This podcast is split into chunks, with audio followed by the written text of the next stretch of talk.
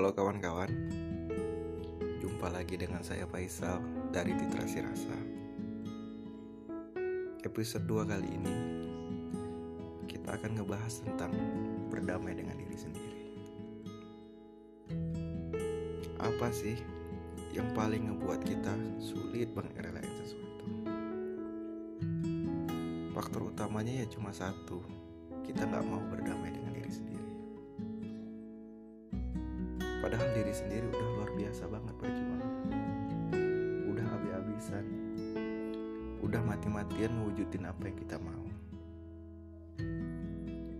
Tapi emang ada hal-hal yang gak sesuai harapan. Hal-hal yang mau diusahain gimana pun Hasilnya bakal tetap sama. Tiap orang punya batasnya kok.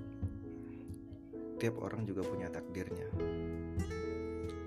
jadi, kita yang harus sadar itu. Kita yang harus percaya bahwa nggak semua hal bisa kita miliki. Jadi, mulai sekarang maafin ya. Maafin semua ketidakmampuan diri kita. Jangan terus-terusan disalahin. Kasihan. Belum terlambat kok untuk berdamai dengan diri sendiri percayalah,